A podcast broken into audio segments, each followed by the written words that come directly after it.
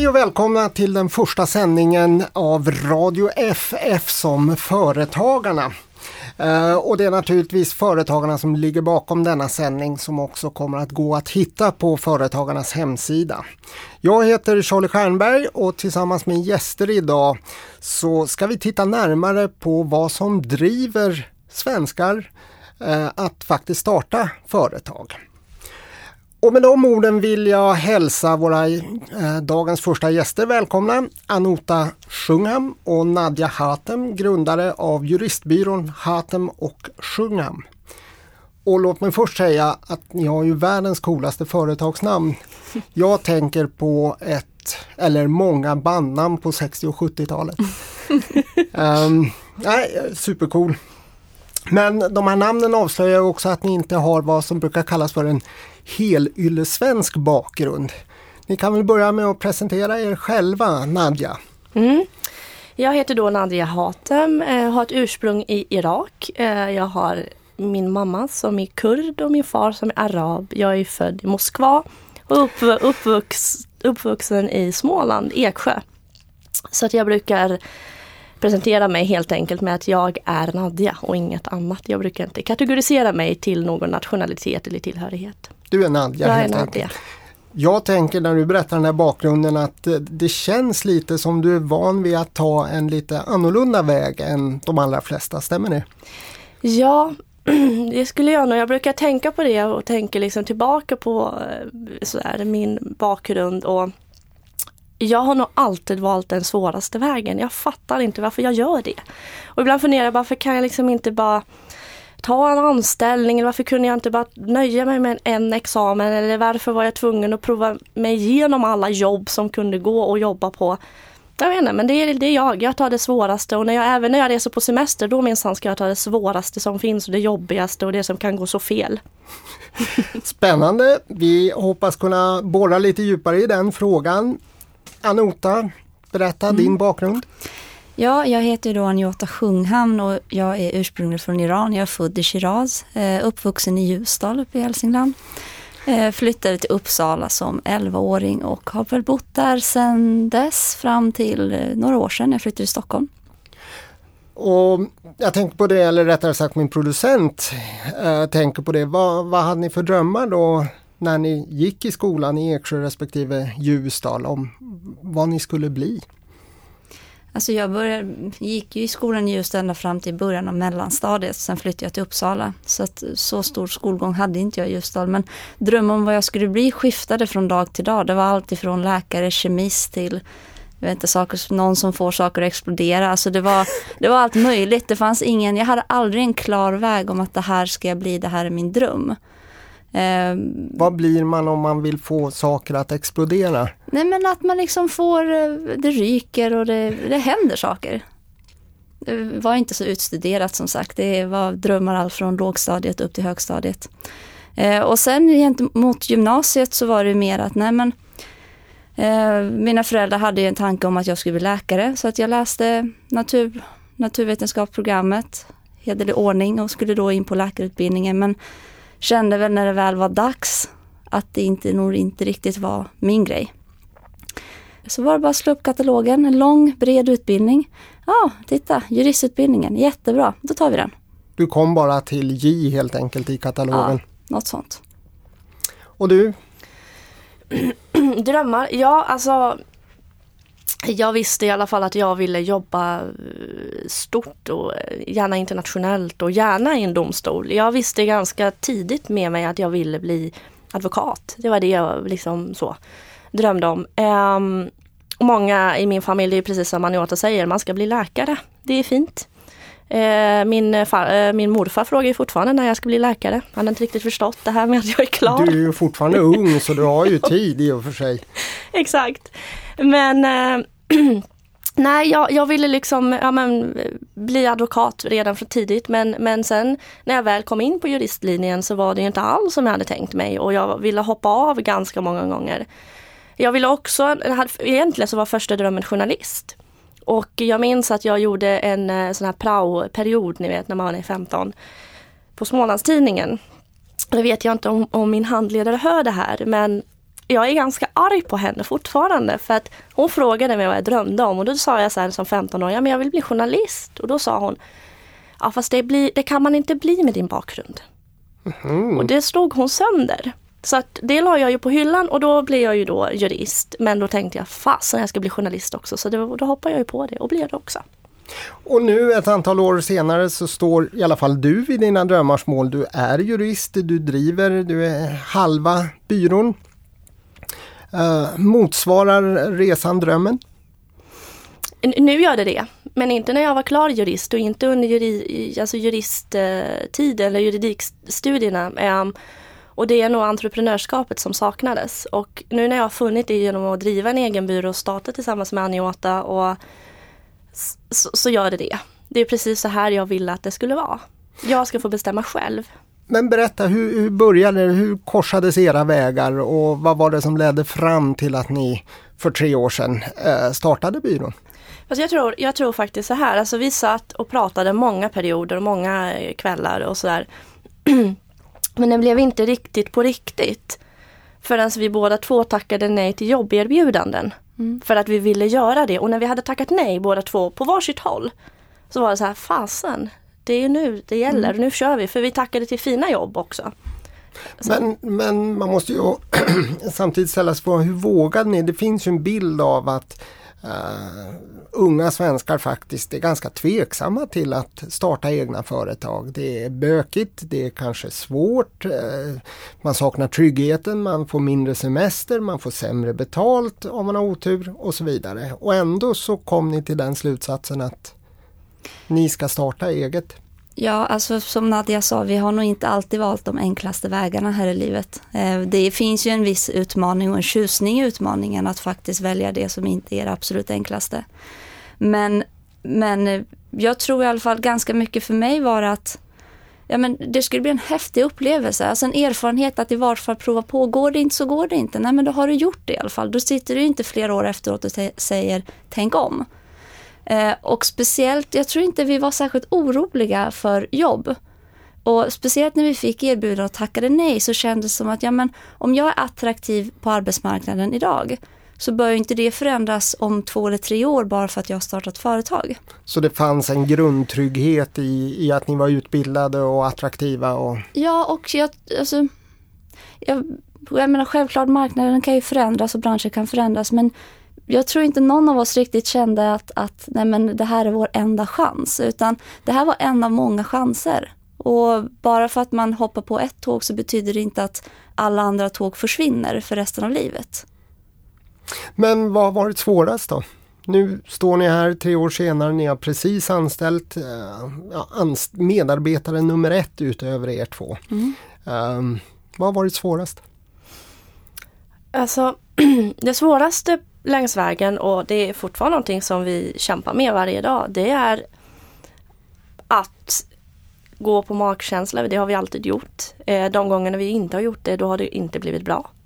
Eh, att finna den där känslan djupt ner i magen, att det är det här som är rätt. Och det var då det som, som eh, vi gjorde när vi valde att starta eget. Och jag vill återkoppla till din fråga om, om liksom varför vi vågade. Och jag tror att mycket av det som hände då var att både jag och Anjota räknade varenda krona och den enda kronan vi hade skulle vi dela på.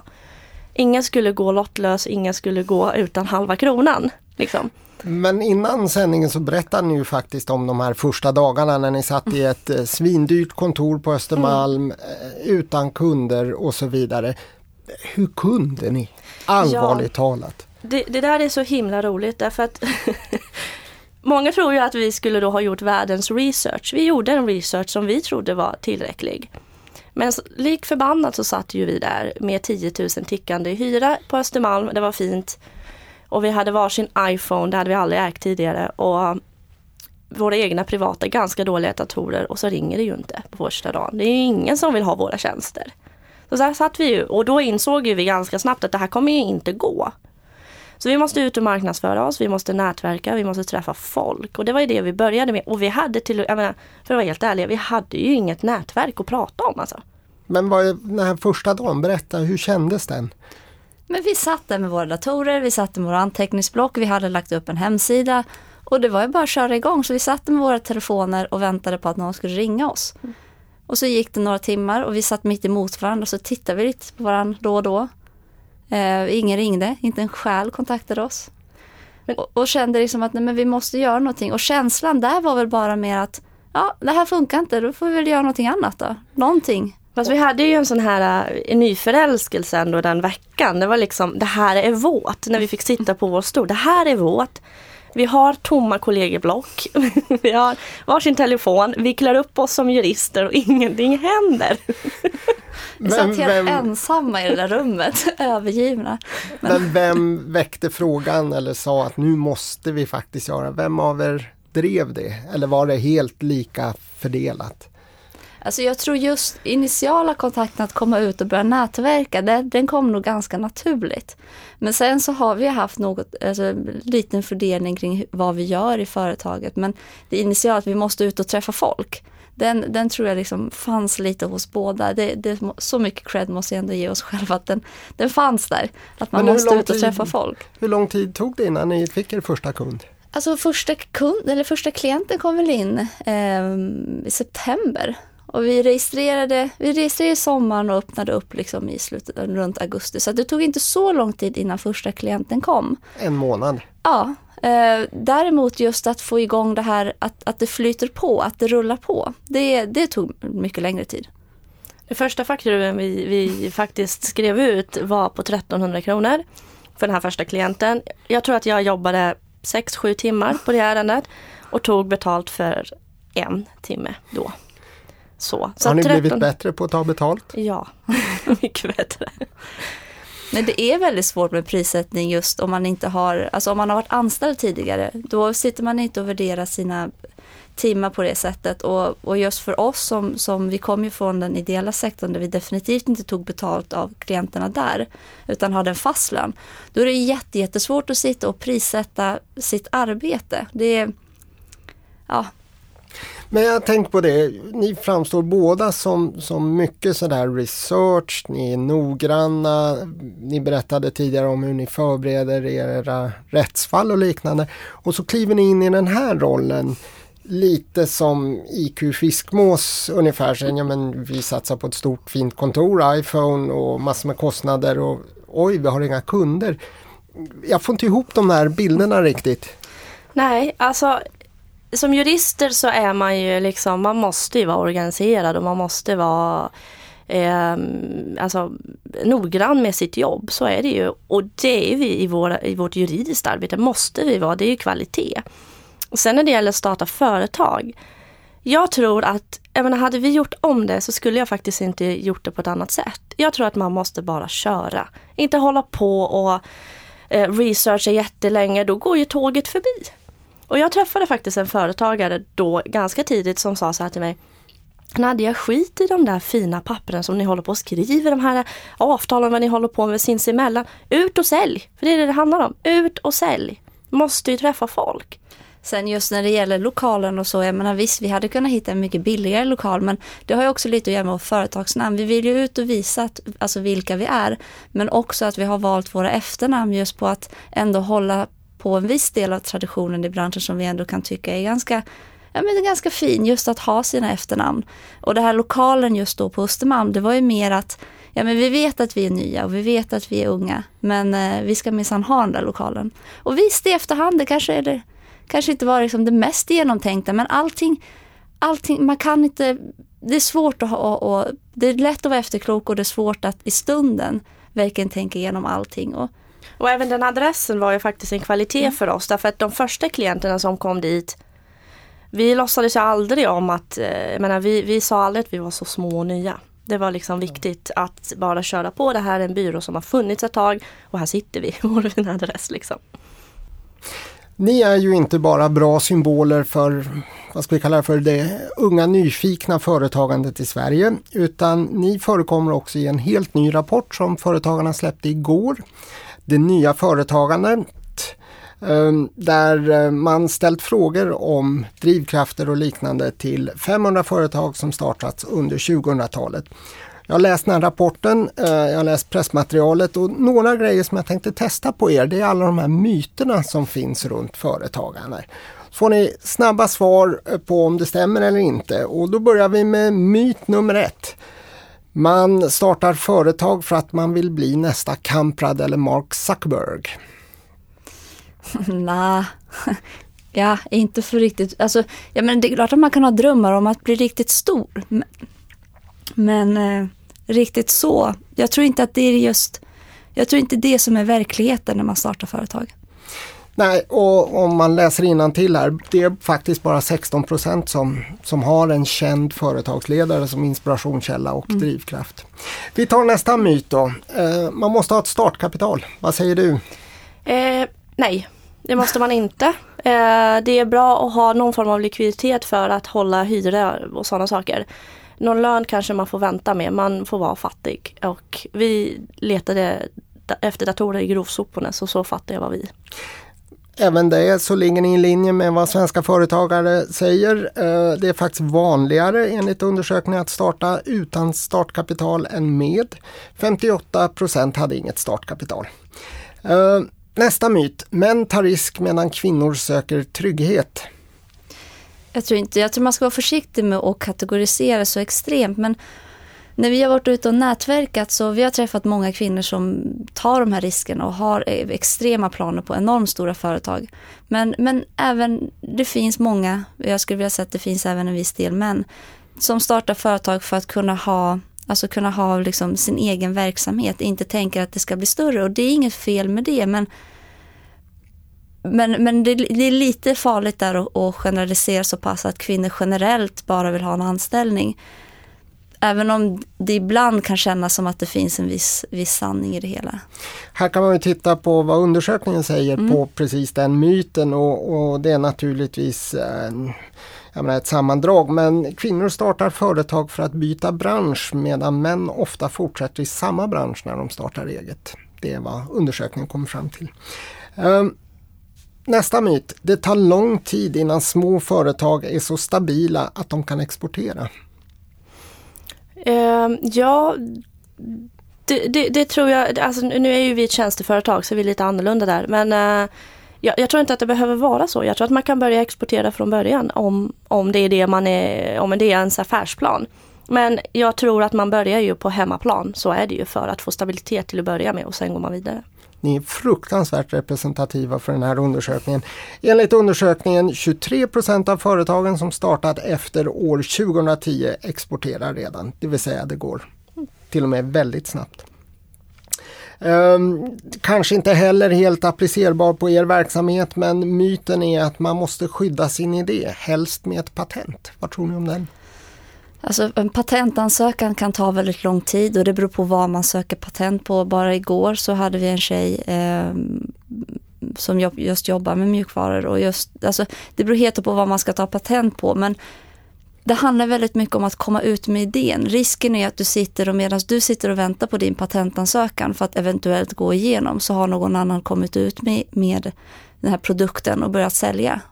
och där sitter du med din patent ansökan så att säga. För det, det är inte en enkel process utan det tar lång tid så att det beror helt och hållet på vad det är för produkt. Tittar man på vad svenska företagare säger så ser de faktiskt, alltså 65% ser det som en möjlighet att dela med sig av mm. Eh, sina uppfinningar. Uh, sista myten då. Uh, det är svårt att starta företag i Sverige. Den får ni båda svara på. Jag kan börja med dig Nadja. Uh, nej, det är det inte. Jag tror också att det är en myt. Jag tror att det är faktiskt rätt enkelt att starta. Det handlar bara om att vi fostras in i en anställningstradition. Eh, och, och, och, I vår, i vår eh, utbildning så är, det finns inte på kartan att du ska vara entreprenör. Entreprenörskap och juridik går inte hand i hand. Så att nej, jag tror inte att det är svårt att starta företag i Sverige. Nej, jag håller absolut med Nadia och de eventuella svårigheter tror jag finns generellt runt om och inte bara att det skulle vara specifikt i Sverige utan det finns utmaningar med att starta företag. Men det är definitivt inte svårt bara för att man gör det i Sverige. Absolut inte. Med oss på telefon har vi nu Företagarnas VD Elisabeth Tand Ringqvist. Eh, jag vet inte om du har hört här vad Nadja och Anuta har sagt men eh, den fråga eh, som vi ställde senast, är det svårt att eh, starta och driva företag i Sverige? Nej, det är ju inte så svårt att starta företag och det är ju många företagare som pratar i yngre generation, även, även eh, beslutsfattare, säger att det vet väl alla att det inte är svårt att starta företag. Men det lever kvar den myten, att, framförallt politiskt, att det är just starten är det svåra. Och vi har ju här olika exempel på att man behöver inte jättemycket pengar, man kan, om man får, man får eh, ta lite försiktigt med att ta ut lön från början och det kanske man inte kan räkna med från början men, men det går att leva ändå. Men eh, för själva starten är inte det svåra, det är själva tillväxten som är svårare. Men nu jag tänker, ni ger ut den här väldigt ambitiösa rapporten. Vad, vad hoppas ni uppnå med den? Syftet med den är att bredda diskussionen om vad företagarna och vem som är företagare. Och den har ju helt avsiktligt också inga direkt politiska slutsatser. Utan jag är tänkt att både politiker och beslutsfattare och opinionsbildare ska titta på vad, eh, hur bilden drivkraften av företagaren ser ut idag och sen därifrån fundera på man, hur, hur då politiken ska formas för 20 år framåt. För det, tar ju, det är ganska långa processer när man för, formar den politiska strukturen för vad som är bra för företagandet. Men om du satt här i studion med uh, Annie Lööf till exempel, vad skulle du lyfta fram ur rapporten som hon ska ha med sig? Då skulle jag säga att det här visar att hur viktigt det är med att kunna starta företag i, i olika branscher. Det finns fortfarande en del avregleringar som behöver göras på olika marknader för att göra det tillgängligt med företagande. Eh, det andra skulle vara att säga att för att de ska kunna växa så måste det bli enklare att få tag på eh, kapital. Och då, idag är det mycket mer gynnsamt att investera på börsen än att investera i småbolag. Jag tänker på det, nu de senaste dagarna har vi hört studentflaken runt om oss, i alla fall här i Stockholm. Eh, är det här, ska till och med nykläckta eh, sommarlovsfirande ex-studenter eh, ta till sig den här rapporten? Eller vem, vem har ni som huvudmålgrupp egentligen? Eh, förutom politiken så är det ju alla som eh, eh har en idé och som ska kunna inspireras av på ett väldigt på, på ett faktamässigt sätt se att, att det inte är så svårt att driva företag och det som faktiskt, jag tycker det är väldigt kul som kommer fram i rapporten när man säger att det som behövs är energi och ambition mer än en unik idé. Och många som, som går och funderar på om de ska bli företagare tänker att ah, jag har ju inte en helt unik idé, jag har inte något helt, jag har inte uppfunnit någonting. Men det är ju kanske ett nytt sätt att göra en tjänst, genomföra en tjänst, en erfarenhet som man har Eh, det tycker de som vi porträtterar också i eh, rapporten som spelar beachvolleyboll. Det fanns ingen beachvolleybollhall. Då men då får vi fixa det själva. Då startade vi ett företag som, som, eh, som där man kan spela eh, beachvolleyboll. Och det kan man ju tänka på det för, i första att det är ju inte någon superunik idé. Alltså att göra affärer på beachvolleyboll. Men så de, som de gör det och, och sättet de gör det på, det blir unikt. Och det är det jag tjänar pengar på.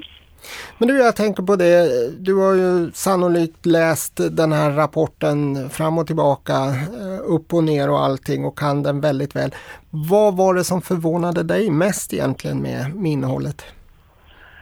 Om något? Eh, och det var mycket som förvånade mig. Det ena som förvånade mig var att det var så många som startar utan att ha en ordentlig affärsplan.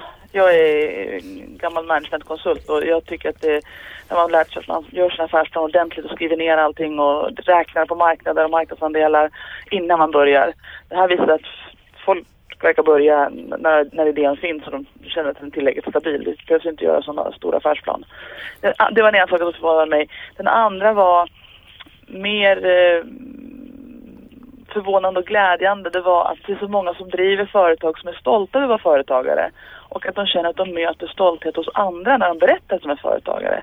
För det är en bild som där många av företagarnas med, äldre medlemmar, det, det upplevde inte de under 80 och början på 90-talet. Det, det, är en stor förändring tror jag, i attityd gentemot företagande. Jag tänkte ta det du säger och ställa den frågan direkt till mina gäster här i studion. Hade ni en affärsplan när ni började?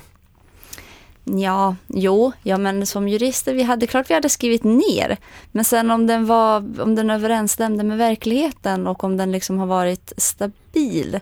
Nej, den har reviderats så många gånger så att i efterhand kan vi väl inte säga att vi hade den här fantastiskt eh, genomtänkta affärsplanen utan vi hade väl skrivit några rader på de flesta frågorna som man ska tänka på. Och uppenbarligen verkar det ha gått eh, hyfsat för er. Ja, alltså mycket av det har man ju ändå. Alltså, man gör, jag skulle vilja säga att bara för att man inte har affärsplanen i pappersformat så betyder det inte att man inte har tänkt igenom det mesta. Skulle jag nog vilja säga. Eh, för det, vi hade ju tänkt igenom mycket men, men många frågor uppstår ju också längs vägen. Och då är det väldigt svårt att, om man inte har särskilt mycket erfarenhet av företagande, så är det väldigt svårt att förutse eh, många av situationerna som uppstår längs vägen. Vad säger du Elisabeth? Ha affärsplanen i huvudet, är det tillräckligt för en gammal managementkonsult? Eh, ja, tydligen är det ju det. Och det är ju tur att det är det, annars skulle det nog startas väldigt mycket färre företag. Jättebra och med de orden vill jag tacka både dig Elisabeth och äh, gästerna här i studion. Och äh, vi hoppas ju att få äh, kunna sända fler gånger här. I nästa sändning så siktar vi på att få hit superentreprenören eh, Kristina Lampe Önnerud. Eh, hon startade för sju år sedan ett batteriföretag utifrån sina akademiska kunskaper som eh, doktor i kemi. Företaget blomstrar idag, har 700 anställda i Kina och USA. Och Kristina är superaktuell som en av sommarpratarna. Eh, så att eh, tune in på Radio F vid ett senare tillfälle på företagarna.se. Tack för oss!